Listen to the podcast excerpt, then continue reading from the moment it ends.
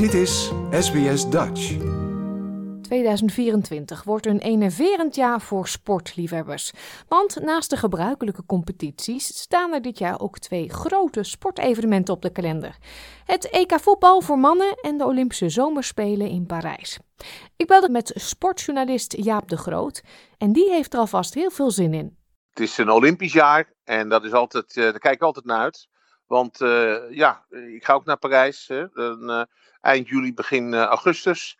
En ja, er wordt toch weer de toon gezet voor de komende jaren wat de topsport betreft. Zeker, zeker, global. En ja, daar kijk ik altijd naar uit. Ik ben altijd benieuwd. Ik wil graag verrast worden. We hadden natuurlijk in Tokio de nieuwe sport skateboarden. Daar won een Japanse van 12 jaar goud. Ja, en toen ging in de merchandising ging de verkoop van skateboarden wereldwijd ging het door het dak. En uiteindelijk bleek zo'n zo'n zogenaamde bijsport bleek ineens de, de grootste commerciële waarde uh, vanuit de speler gecreëerd te hebben. Dus ja, dat is verrassend. En uh, we hebben nu natuurlijk ook weer allerlei nieuwe sporten die, die getest gaan worden, onder andere het breakdance.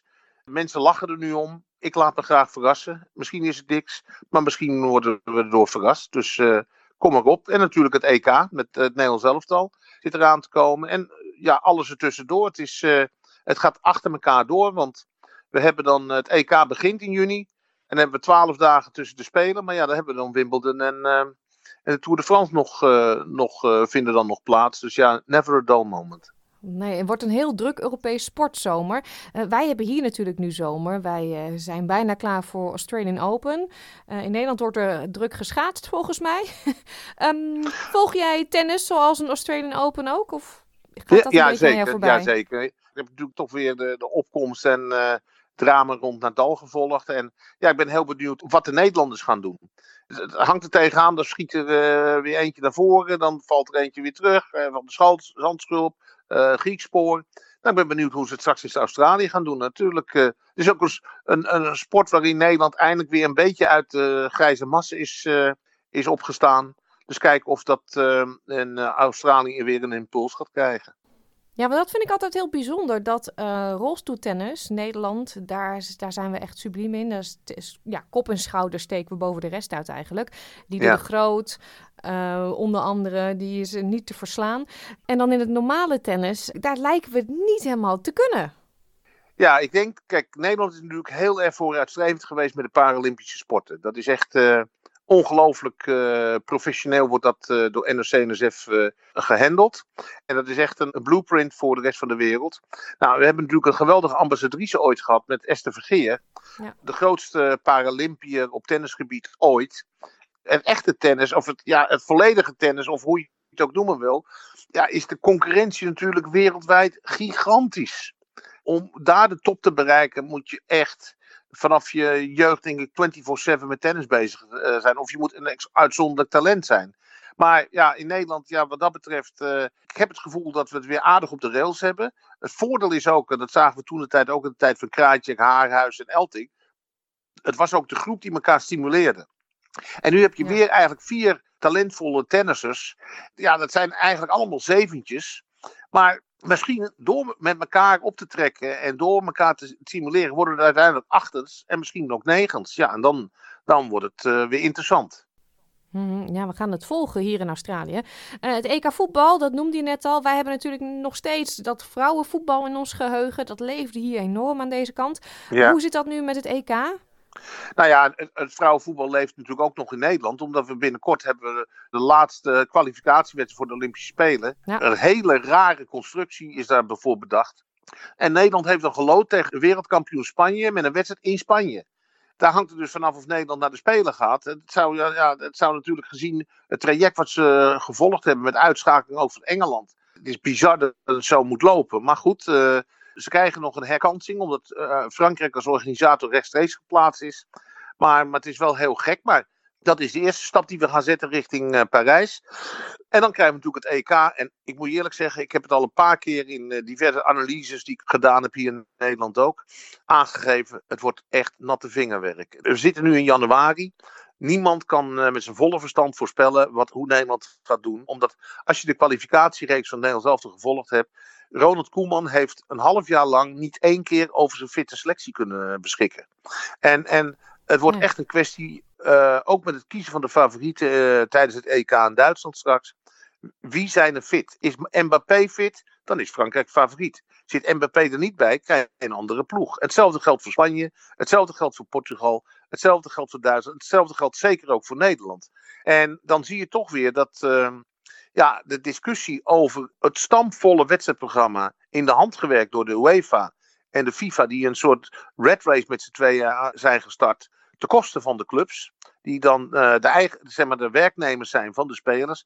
Dus dat enkele weken geleden uh, de deur werd geopend via het Europese Hof in Brussel om de Super League te organiseren, heeft me niet verbaasd. De clubs, met name de topclubs, willen gewoon weer de regie krijgen over hun eigen spelers. Want nu is er veel te veel in handen van de FIFA en de UEFA, die te pas en onpas wedstrijden organiseren, toernooien organiseren. Waardoor het, het, topvoetbal inmiddels een seizoen heeft van, van 13 maanden. En dat uh, kan niet. Tot hier en niet verder is het nu. En, en ik heb al gezegd, de Super League is gewoon een kwestie van tijd. Het kan uh, dit jaar komen, het kan over drie jaar. De clubs pikken het gewoon niet meer. En je ziet nu al het effect op het EK straks in Duitsland.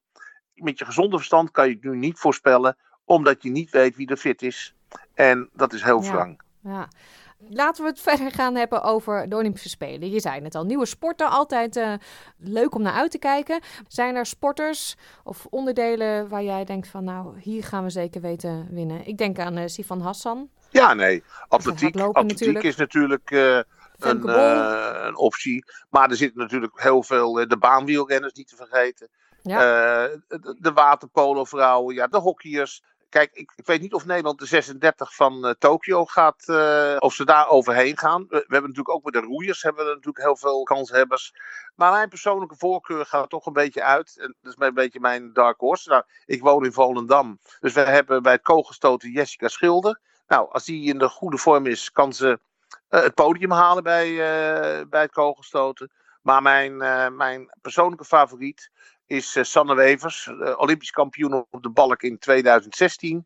En die dan uh, hopelijk in Parijs haar revanche gaat nemen op ongelofelijke wijze hoe ze dwarsgezeten werd door de Turnbond en NOC-NSF tijdens de Spelen van Tokio. Waarbij ze een zekere medaille haar door de neus werd geboord door het wanbeleid om haar heen.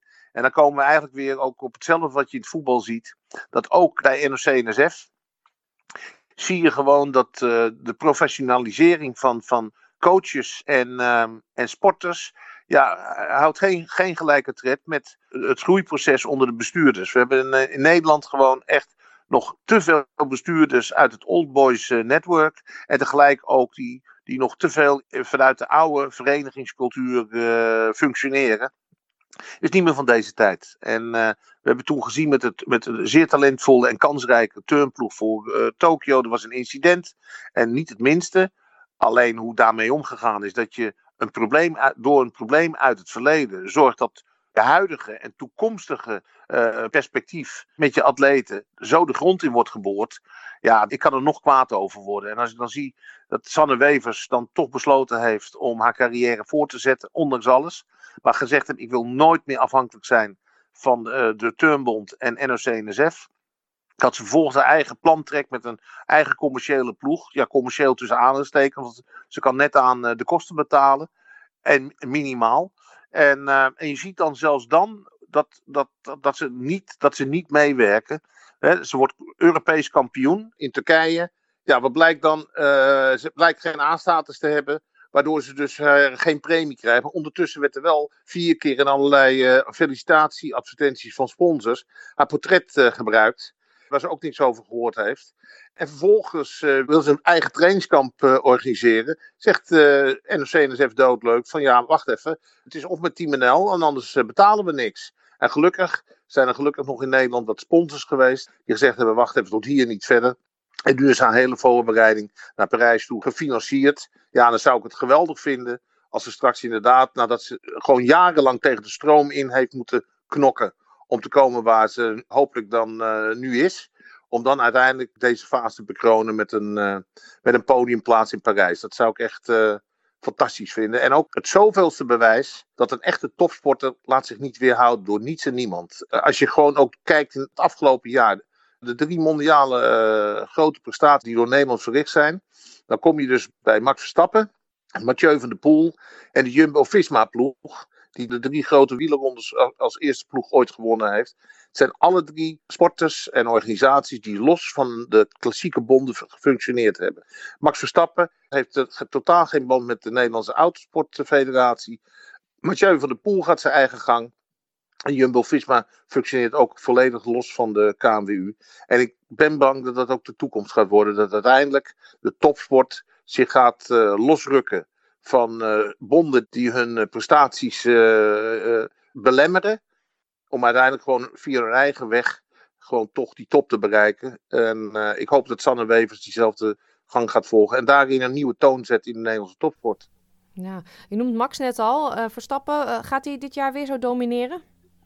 Ja, nou goed, Max zal zeker uh, weer voor de titel gaan. Ik, die, die, uh, zijn bolide is, is en blijft natuurlijk van buitengewone klasse. Alleen ja, je weet natuurlijk niet wat de concurrentie gaat doen. Die zit ook niet te slapen. Maar ja, het zal altijd, hoe goed de wagens van de concurrentie ook zijn. De rijden Max Verstappen, ja, daar zit nog wel iets extra's op.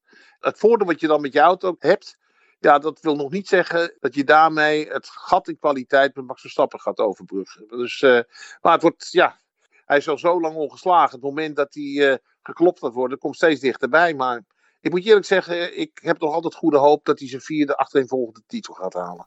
Dankjewel Jaap, heel veel om naar uit te kijken. Je zei het al. Um, en we zijn vast nog hele mooie toernooien vergeten. Uh, je noemde al Wimbledon en we hebben natuurlijk ook nog Roland Garros. En oh, nou, het is boordevol voor de sportliefhebbers. Ja, maar, maar dan moet je, ook, moet je ook reëel in zijn. Dat zou echt een stunt zijn als Nederlanders daar zouden pieken. Maar als je gaat kijken naar de mondiale toernooien, dan zie je Max met uh, de Formule 1. Het EK voetbal, nou ja, nogmaals, dat heb ik al aangegeven. Dat, dat uh, wordt afwachten, want is, is de paaien beschikbaar, is Van Dijk beschikbaar. Je moet allemaal kijken hoe. Uh, want je moet niet vergeten, op 14 juni begint al het EK. Terwijl op 31 mei nog de Champions League finale wordt gespeeld. Dus als daar Nederlands nog in actie komen, blijkt dat sleutelspelers van Ronald Koeman een deel van de trainingskamp en de voorbereiding op het EK hebben gemist. Zo krap zit die kalender al in elkaar. Nou, dan krijgen we de Olympische Spelen. Kijk, wat ik al aangegeven heb, ik kijk er naar uit. Ja, en dan hebben we de Tour de France en, en uh, met Jumbo Visma weer. Ja, hopen dat er eindelijk weer een, een renner uh, wat dichterbij gaat komen. Ja, en dan hebben we natuurlijk het fenomeen. We hebben het over het fenomeen Max Verstappen gehad. Maar we hebben natuurlijk ook het fenomeen Mathieu van der Poel. Ja. Die niet alleen de voorjaarsklassiekers, uh, daar gaat hij niet alleen voor. Maar hij wil ook natuurlijk voor goud gaan in, in Parijs. Gewoon gekroond worden op de Champs-Élysées als de nieuwe Olympisch kampioen. Ja, het wordt smullen geblazen. We spreken elkaar, denk ik, best vaker dit jaar. Kijk ik naar uit. Ik ook. Ja, de Groot zal voor SBS Dutch zoveel mogelijk verslag doen van de prestaties van de Nederlandse sporters. Dus dat komt helemaal goed. Like, deel, geef je reactie. Volg SBS Dutch op Facebook.